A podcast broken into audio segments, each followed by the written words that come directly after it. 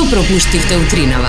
Изминатиот продолжен викенд го гледав документарецот на Дейвид Аттенбери, uh, A Life on Earth. Зорке, uh, ако тоа не ти ги отвори очите за тоа во која насока се движи планетава и што ќе не снајде за некои си 50 на години, мислам дека ништо нема. Според некои прогнози, mm -hmm. следната генерација на на деца која што ќе се роди, веќе се соочува со фактот дека планетата додека тие пораснат може да биде неживлива. Значи да се потрошат сите природни ресурси со кои што располагаме. Изминативе 30 години стапката на уништување на зелените површини и на шумите е еднаква или сушност дупла од стапката на уништување која што се случило од периодот од 1900 до 1960 година. Значи огромни зелени пространства снемува, а како резултат на тоа се јавуваат климатски промени кои што резултираат со време како на синоќа. Истура, потоа денеска ќе биде 25 степени тамо средината на, и на октомври, а не боли глава. во јули ќе имаме студени ноки со температура од 12-13 степени. Значи, е, нарушен на глобално ниво е, екосистемот кој што гарантираше еднакви времења. Тој бил прецизен 60 на 70 години наназад. Точни временски прогнози со вариација на температури од плюс минус 1 степен. Значи секогаш точно си можел да предвидиш каква ќе биде температура температурата во кој дел од светот, во кој дел од месецот сега, ај предвиди како ќе биде на, на пладне денеска. Според она што мојот мобилен сака да го предвиди, ќе ти кажам дека температурата во моментов 14 степени, но она што многу ми изненади, ми изненади. Денес да, сончево време се очекува освен во некој период околу 10 часот кога е можно повторно да подзаврне, а она што е многу интересно е дека освен утре сончево време може да очекуваме веќе во сабота или во понеделник. Остатокот од неделата ќе го поминаме со чадорче и со температури околу 21 степен, така што доколку се уште не планиравте да смените летната зимска гардероба, мислам дека сега е вистинско време за тоа. Кога го спомна изминатиот викенд, Би сакала да се навратам на тоа колку раце истрија газдите на Ич. А, истрила? Да? Истрила, да, да, да, да. Значи поминав um... низ Сити Мол во с... неделата. Mm -hmm. Имаше страшна гужва пред бутиците за Алишта. Нити се почитуваа редици таму фино некој културно обележал овде е еден човек, па наредна коцка овде е еден човек, по четворица у коцка имаше напикано mm -hmm. со маски, ама џабе и баги луѓе во моловите, значи гужва, језиво, пола од нив со маските под нос, пола од нив без маски обезбедување ни да чуе, а во друг еден мол во центар, човек обезбедување стои на врата и вели без маска не може да влезете, така да двојни аршини и тука во игра, ама некако немам печаток дека се трошеа пари. Па е, според она, нели што беше кажано дека може да се скинираат сите сметки од пазарување на 10, 11 и 12 октомври според правилата за да се добија 100% поврат на ДДВ на македонски производи и закупената компјутерска опрема треба да се скенираат 3 дена од како биле издадени. Преку оваа мерка според процентите и проценките на владата треба да се оствари промет од 170 милиони евра кои ќе бидат инекција во Тоа излезе дека секој кој што е регистриран на апликација Мој ДДВ треба да потроши максимум 500 евра, што не мислам баш дека е случај, ниту пак секој кој што е регистриран на апликацијата има да си дозволи да троши 500 евра. Јас мислам дека се лажеш. мислам дека се лажеш затоа што кон граѓаните ќе бидат вратени околу 17 милиони евра. Но Ама дали... за да ги потрошиш прво треба да ги имаш.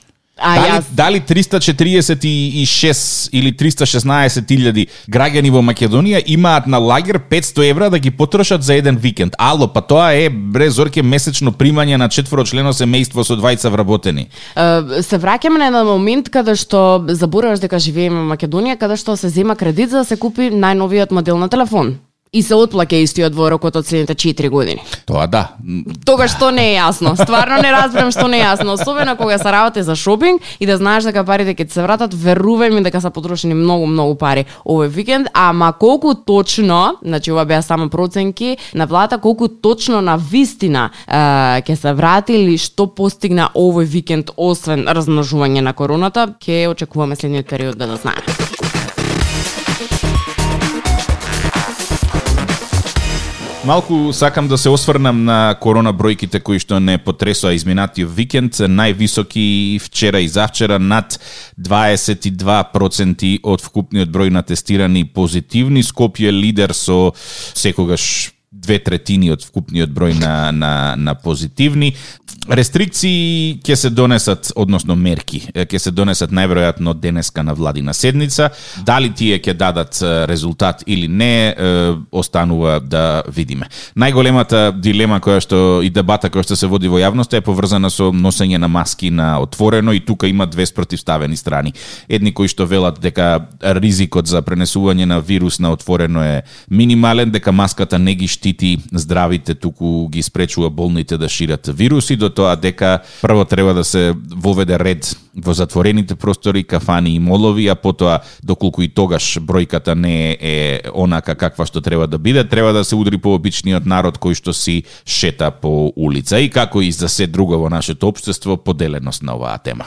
Да, и секогаш некој со некого се препукува зошто тој истиот не е во право и зошто треба да мисли вака онака или поинако треба да се разбереме дека ние не успеавме толку време од кога е коронава тука од февруари некаде. Да. Не успеавме да се разбереме дека три битни работи треба да се запазат, а тоа е миење раце, држење дистанца и носење маска. И сега после 7 месеци имаме ситуација каква што е следнава со високо висок број на новозаразени кои што ги имаме секојдневно и со луѓе од друга страна кои што кукаат дека мирките прво беа прелави, па сега ќе бидат повторно затегнати, дека не треба да се носи маска и така натаму и така натаму.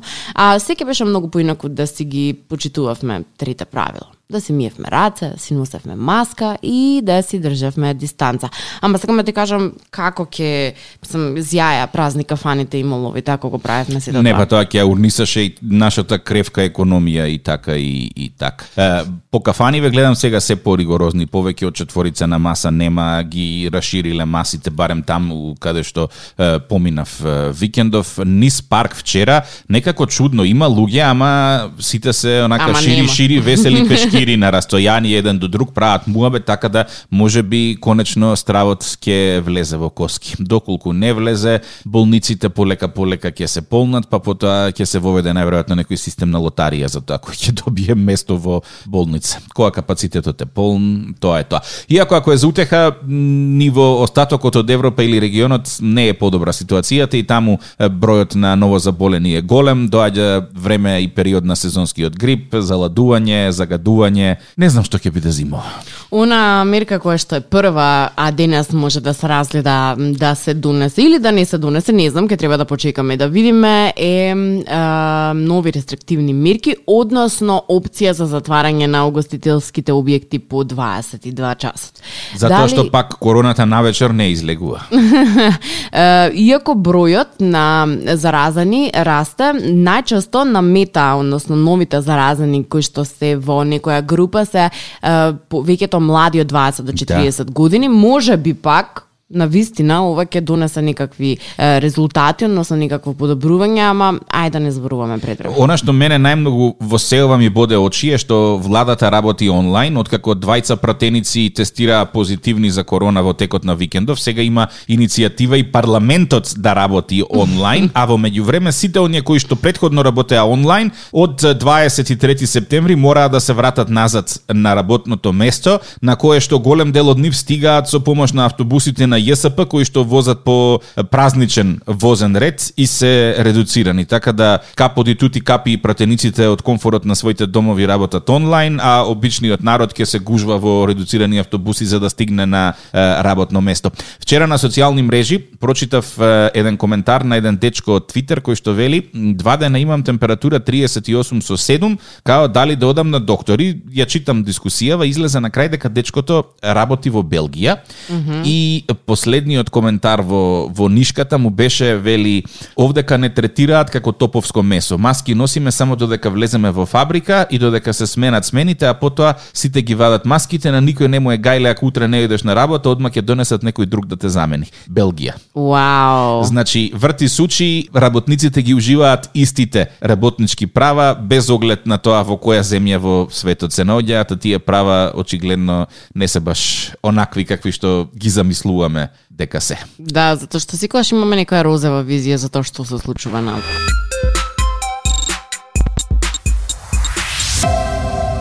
Во мода се зорке протоколи. Протокол за седење на гости во кафана, протокол за свадби, протокол за работа на фирми онлайн и офлайн, а ние некако заглавени во машко-женските поделби на работите во домот. Mm -hmm. И мислам дека како и се она што еволуира со тек на времето и новите услови кои што се ствараат во општеството, треба да направиме еден курс за протоколи за мажи. Ау, ме копка, што? Па, на пример, еве, протокол за живот на маж без мајка. Добро. Нели? Зошто вака се насмеав? Ај, кој разбра, разбра, кој не разбра зошто се насмеа, ништо страшно ќе Ќе разбере следен пат. Следен пат или кога ќе се оцели од дома. Може на пример да направиме еден протокол или е, курс Мојата невеста не е мојата мајка. Ау, да. Да. Колку часа мислиш дека би требало за вакво нешто од прилика? Па, со практична настава или само Со теорија? практична комплет, комплет, значи практично плюс теорија. Па не знам, стотина часа. Па, добро. Јас би одел со троа повеќе, да кажеме, 100 часа теорија, А, со 250 повторување, последните- 250 пракса. Уху, да, добро. Да, да. Протокол е, или курс за нетропање глупости кога жената има гости. Ова треба и 1000 часа да има. И ако се претплатиш на овие два протоколи, добиваш гратис како да го совладаш синдромот на далечинскиот управувач. Ау, со борба тоа? Кај го криеш, кај се губи, кај го снемува. Аха, добро. Да. Ова и ја можам да се пријавам, иако не сум маж. И е, плюс некои дополнителни бонус е, протоколи, Кои што доаѓаат пропратно? Па или доаѓаат пропратно или не мора да се наменети конкретно за мажи. Значи може да бидат и за помладата популација, па дури и за е, дел од женската популација. Ау, ме заинтригира, Да, слушам. првото е, е протокол за незамочување на WC шолјата. 150 сати со практична настава. Добро. А, потоа имаме, ова може да биде за сите. Е, Како да преживееш настинка без драми и жалопојки. Ова најчесто за мажите. А, добро. 37 со 2, готова, умира тестамент, пишува. Да, да, да. А, и е, дополнителни е, часови во наредните семестри, како да испеглаш мајце и панталони за помалку од 2 часа, со практични примери. Ова мора да биде масхев. Сум, како може да не знае некој кошула си? А, почетнички степен со куински апарати. А, прво ниво, он исклуч, он уклучи, оф исклучи. Значи да ги многу. совладаме сите овие, да. А, ти ми кажуваше за брат ти за машината за перење? А, дека ја уклучувавме преку Виберкол? Да. Видеокол? Да. Да, да, да. да. Значи Е, брат за ти, оние- брат ти тоа го совладал. Да, го Брсе, совладавме, брсе. да, со неколку часа само. У, добро е тоа. имаше потреба да да се испере препере, меѓутоа не беше во Македонија и што правиме? Дадо помагај. Океј. Тука ќе стиснеш, сега сврти го копчето вака, стави прашак, каде да ставам три дупки има? Ке ставиш во првата и третата прашак, во втората омекшивач. Добро, добро. Е, сега дојдовме до степен каде што сам уклучува, освен некогаш може да се јави да ме праша дали ова може да го бапнам во шарени. Да, ако сакаш да ти излезе шарен. Види, јас е, 20 години имав проблем со тие бели шарени, бели шарени. Добро. Е, знаеш како го решив? По-ефикасно решение не постои. Престано да купуваш бели. Браво, Зорке! Престанам да купувам бело. Едноставно решение. Значи, толку многу мислење, толку многу планирање изискува тоа, па бело, па со што ќе комбинираш бело и са имаш пет пара бели чорапи, сигурно нема пет пара бели чорапи да да пушташ. Ти не си ме запознал мајци на да прерамки. видиш како буткам све одеднаш. Трак, трак. Буткав. И, и тие белите чорапи излегува варијанта розе, варијанта... Абе дизајн, си правиш дизајн, Бог да чува. Да, си правам дизајн, ама едноставно решив јас од сега па натаму бело во моја гардероба, јок и решен е проблемот. Овие курсеви би биле одлична замена за е, сите оние кои што не поминале воен рок во некоја војска изминатиот период, каде што некои од овие основни е, работи се учат, да кажеме, а во последно време се повеќе и повеќе гледам апели од е, Па најчесто се жени кои што mm -hmm. чувствуваат дека мажите омлитавеле поради недостаток на служење војска и инсистираат војниот рок да се да се врати назад. Нема потреба затоа што војниот рок е бесплатен, ем војниците паѓаат на товар на буџетот, ем треба да ги раниш. Дајте некоја академија нека ги патентира овие курсеви. Ама ова некоја масхев, нека задолжителна академија низ која мора да поменат. Да, да, и исто како што одиш, да кажеме, аплицираш за за работа и ти вика дечко, дај да видиме квалификации -hmm. Дај да видиме CV, дај да видиме факултетска диплома. Ти доаѓаш до оној судбоносниот момент. Дали ти, Зорке, сакаш да ме бидеш жена? Дали имаш ти академија завршено? Така е. Дај да видам ја тој сертификат за пуштање машина. Дај да видам ја сертификат Аха, за пеглање алишта. Сите му се Дај, јас десетки, може, може, може. И волкот сит и овците на број. И нема после да се случи она леле мојот не знае машина да пушти, леле оној мојот не знае пегла да запали. Добро, во тој случај каква академија би имала за жените? Па не знам тоа. Ја Научи кога да ја затвориш устата, практични часови 150.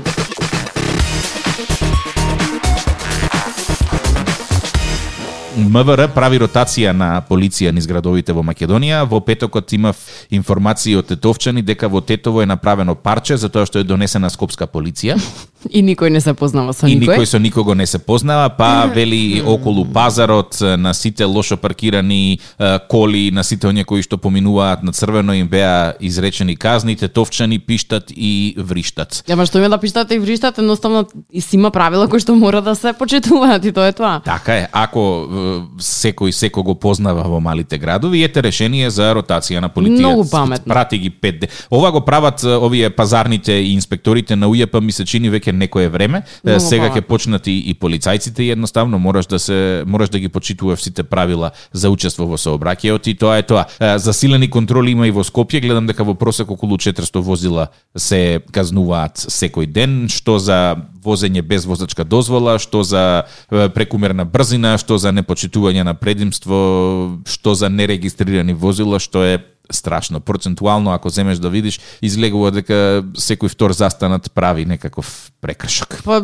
ако ништо друго, или нема маска, или нема е, појас, или светлата А. нема се вклучени, или возел побрзо од... Мислам, тоа се оние нормални, да речем, што не би требало да бидат нормални прекршоци, ама ние си ги правиме онака најнормално како собрак. Ете, знаеш дека сум се уште и тази и плашлив шофер, шофер и ги забележувам сите тие е, работи кои што се случуваат околу себе заради тоа што се се плашам се уште онака да се опуштам, а и не сакам да се опуштам на ниво на просечен возач. Вчера пред Сити Мол полиција застанува едно возило, го контролира, го пуштаат да си оди, додека полицијата се спрема да си замине од местото, доаѓа едно друго возило, сече три ленти од крајна десна во крајна лева, застанува на пешачки и полицијата го игнорира. И мислам, пак е тоа лош знак. Ако пред очи на полиција правиш таков прекршок, што може да да се очекува од тебе кога полицијата не е тука присутна? Значи ни фали малку Би сакала да има можност да sense, здрав проработат камерите кои што се поставени за украсни скопските собраќајници. Ми се случи во четвртокот или во петокот одејќи си е, кон дома од работа, е, позади мене беше дечкото. Одеднаш чекаме сите на црвено, он најпаметен си помина преку црвено светло, па потоа на следната раскрсница билам, хеј, еве го овој Истиов кој што брзаше нема кај да оди, па е црвено, пак на црвено и така си го продолжи своето патување. Се надевам дека нема да има е, страшни последици не за него, туку за некој од спротивна насока кој што онака прописно си се движи баш како што е, соодветната сигнализација предвидува всушност да се движат автомобили.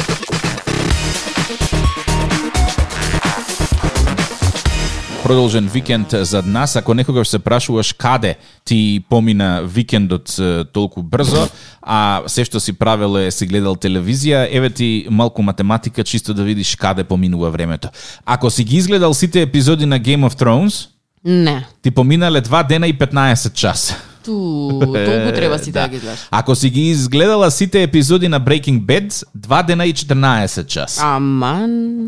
Ако си ги изгледала сите епизоди на Walking Dead, 4 дена и 16 часа. Тоа не можеш Ти ни за еден продолжен почнав, викенд да го Почнав да ги гледам, ама м-м. Јас до седма сезона стасав и седма сезона стана толку насилна. се препотувам со нив со бегањето, со леле, глупци, се карам со нив, значи не можам да ги гледам и се откажав. Нека така шеста од која излегува од затворот. Охо, колку Да. пати влегува и излегува од затвор за А, се враќаат пак?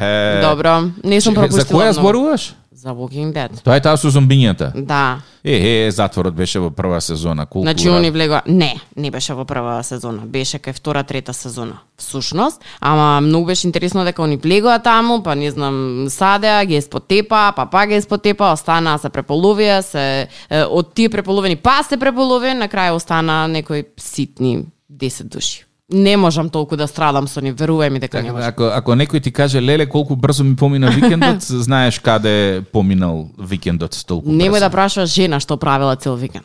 Андреја има роден ден. Се занимава со земјоделие. Ало, Ало, Андреја, добро утро. добро утро. Како сте? Добро. Е, е тука е Боби. Е, се јавувам во врска со лешњаците. Тоа се тие големите лешници, така? Што се викаат лешњаци.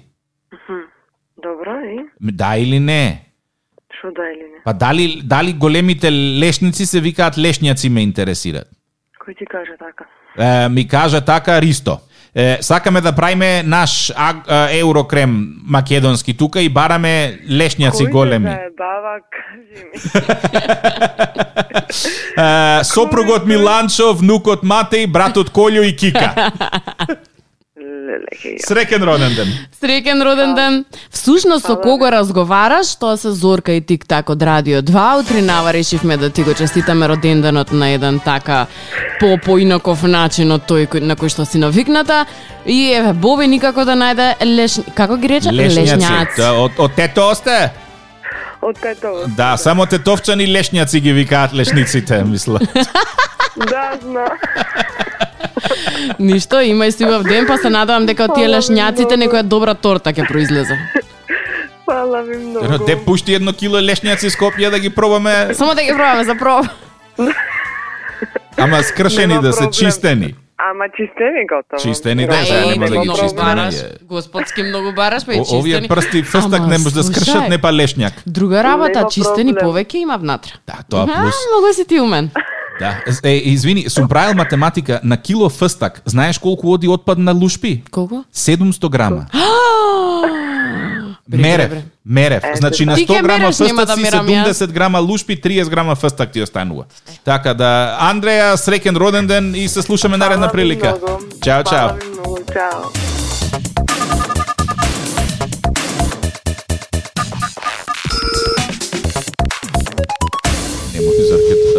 Лоша асоциација. Ало, Добар ден, госпоѓа Роза. да. На телефон е керка на еден ваш колега која што многу, многу одамна ми имате правено кики и плетенки. Арно, ама што е проблемов? Сега како проаѓа времето, така ми потпаѓа по некое влакно. Бев на навака натака да да видам нели да испитам што е проблемот, викам дали се хормони во прашање едно друго. Ми рекоа проблемот лежи многу многу одамна кога се правени тие кики, тие плетенки, заради тоа што многу сте ми ја стегале косата. Кој ви правил кики плетенки? Вие? Јас? ме шетавте таму од просторија во просторија, па едва чекавте да дојдам. Не знам, и мене сте ми оставиле впечаток како најфината таму. Не се. Не се сеќаш. Да ти дадам малце помош. Не, прво да- едно друго прашање да решам. Што ќе правиме сега со косава? Јас знам ти имаш кратка плава коса, значи да сецнеш да ми даш не може. Еве сега имам долга плава коса. Имаш ќе долга? Е, тогаш може да се договориме. И сега да ти дам малку помош, да ме познаеш која сум. Може? Ајде. Мајка ми се вика исто. Како? Мајка ми се вика исто како тебе. Татко ми е еден висок, црн... Згоден. Па згоден е да ти кажам, не е дека не е згоден татко ми. Од прилеп. Блиску си? Не. Не слушам. Не слушаш, ама и не си ни блиску да погодиш која сум, а? не сум бидејќи Ај ќе ти кажам, ај ќе ти кажам која сум, па после ќе се договориме за косава ќе правиме. Која си? Тик-так и Зорка од Радио 2. Инаку Зорка во превод керката на Джиги, сега ќе ме знаеш сигурно. А роденденот ти го честитаат колегите електричари и Джиги исто така. Фала многу, злато, фала многу. Да Сега се сети дека си ми правила многу кики. Јас така знам дека си ме шетала, дека си ми правила кики. Ама јас се размислувам колешка со мое име, викам, немам ја Не, не, не, не. Знам дека си една и единствена. Моје. Ништо, ние ти ставивме само да ти го разубавиме денот, сите колегите мислат, гледаш злато. прекрасни колеги имаш таму. Имам да ти кажам и заслужувам да бидат такви. Јас сум со нив таква. Знам, знам, знам. Идејата не знам само чие име беше, рекоа од колегите електричари. Там ке се почастите со кафе. Фала многу. Нема проблем никаков. Ајде, убав ден. Чао и вас, убав ден. Чао, чао.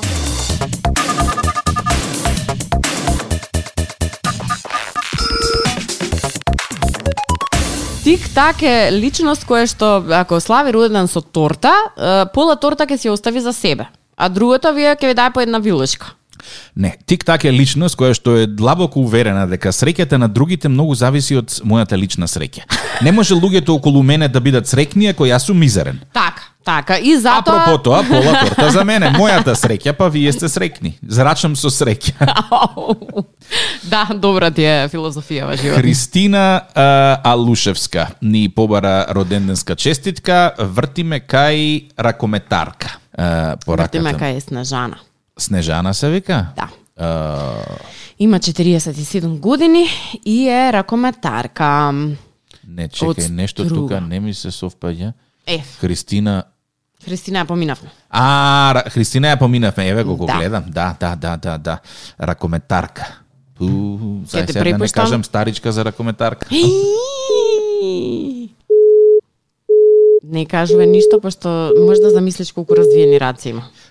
Леванка, десанка и куфер ќе бидеш два дена. Додека нашата ракометарка ракометира некаде, е, во меѓувреме ќе вртиме кај Дарко. Дарко е тазе собственик на возило. Е, погоди какво е возилото? Старо, користено, увезено од Баба го воза. да, Да не му е за продажба. баба го возела, да. Увезено. Добро. Има проблем? Па види, кога купуваш увезено возило, Секогаш има. секогаш имаш мачка во вреќа. Ало, Ало, Дарко? да? Добро утро. Е, Добро утро. Гоце тука од Интерпол. Ај молим те, кажи ми вака бројот на на шасијата да ми го прочиташ од колата што имаш купено ако не е проблем. Само момент. Ајде. Има ли проблем нешто? Па сега прочита ми го бројот па да видиме дали има некој проблем. Од кај ја донесе?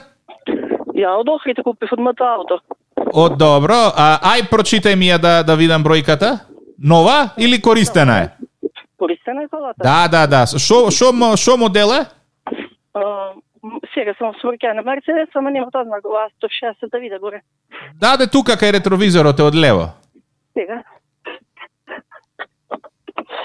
Само момент. Ретровизорот. Ајде. Број на шасија. Да. Чекай се, не може да... Чекай вака, кај кој ретровизор? А, па обично се на од левата страна, значи кај возачот под шофер шајбна има еден број баркод голем, тој можеш да го видиш, тоа на новите коли таму е број на шасија. Значи од надвор кога ќе погледнеш на внатре. Он надвор, на внатре. Да. Чекай се вака. Од шофер шајбна внатре. Да бе излези од надвор и гледај внатре во колата. Хаубата на шофрашемната би требало да го видиш голем број. На шофер шајбна овде вака а, баркод Пилкингстон 43R 001585 Ај читај така? 43R 001585 Ова на шофер шајбна е. Не, добро, ај по тоа по по, по серијски број на стакло ќе видам. Ај уште една 43 08 А, 40, а, 43R 001585 А, у.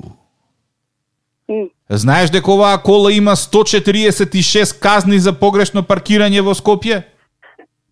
Не. Е, сега знаеш. Ле, ле.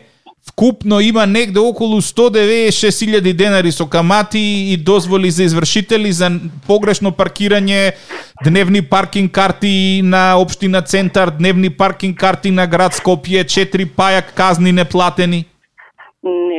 Мене никој ми каже, ја купив од мотор. Добро, не, тоа што не ти кажале, не ти кажале. Тој што ја возил предходно, душата и ја, и ја извадил на колава. Шо, како во договорот, како сите обврски ги презеде, ко стечаен управник или...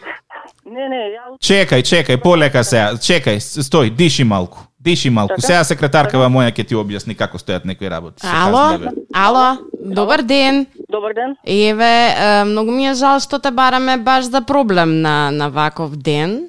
Меѓутоа, среќен роден ден! Фала. Честиткава ти е од Едуард Ајдини. Фала, фала, фала. Диши, Дарко, диши. Диши. Сега ме познат. благодарам, благодарам. Е, Што викаш готова? Сега да ја продадам само казните да ги платам, а? Не, не знам што стои во договорот. Ја мислам после ова треба седнеш да го препрочиташ. Е, види, ти, ти си типичен пример дека секој договор треба убаво да се прочита пред да се да се подпише, затоа што никогаш не знаеш што пишува во договорот. точно, точно. Ова особено за уматечно бачи. Како ќе се слави, Дарко? Па, м, е, вечер ќе се слави малце во домашна атмосфера. Супер. Убаво да си поминете со здраве да си ја возиш колата, друже. Благодарам. Секој е добро. Чао, чао. Благодарам, чао, чао. Евено прашање женско. Ајде. Хајде да се најде бројот на шасијето.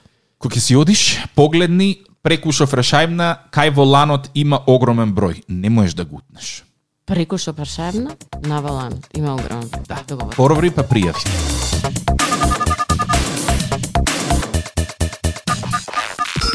Дојдов до еден многу интересен податок кој што пред се тебе сакам да ти го представам тик-так заради тоа што е, нешто кое што го правиш, а не треба да го правиш. Правам муабет со луѓе и куцкам на телефон во исто време.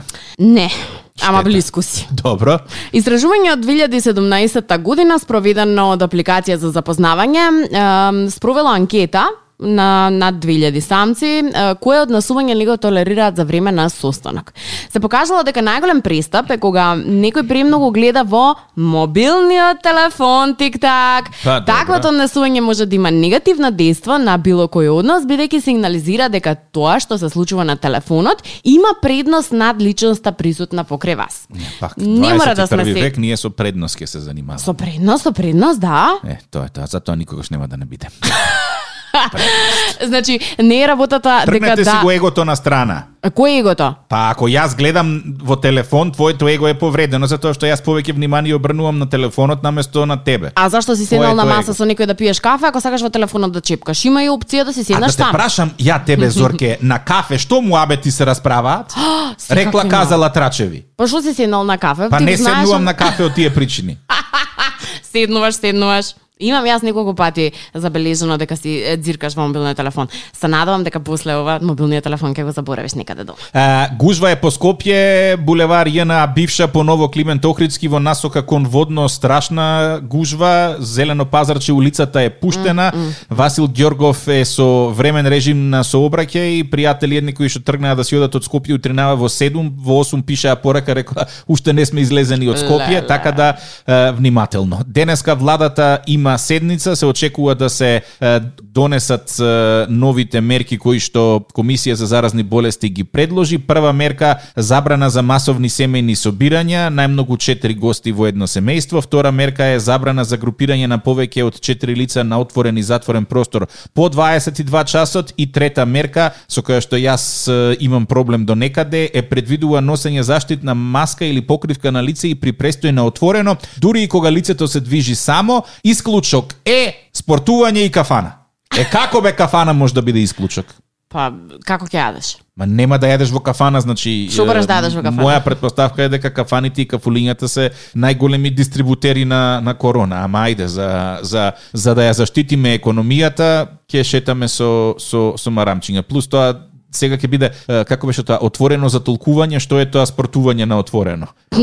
Дали брзо одење? Па брзо одење е спорт, Да, спорт. тоа е олимписка дисциплина. Спорт. Па ќе докаже после полицајецот дали јас сум модел побрзо од 5 км на час или не. сам си мерам. махери сме за наоѓање дупки во законот. На Радио 2, секој работен ден од 7.30. Будење со Тик-так и Зорка. Во случај на неконтролирано смеење и симптоми на позитивно расположение, консултирайте се со вашиот лекар или фармацевт.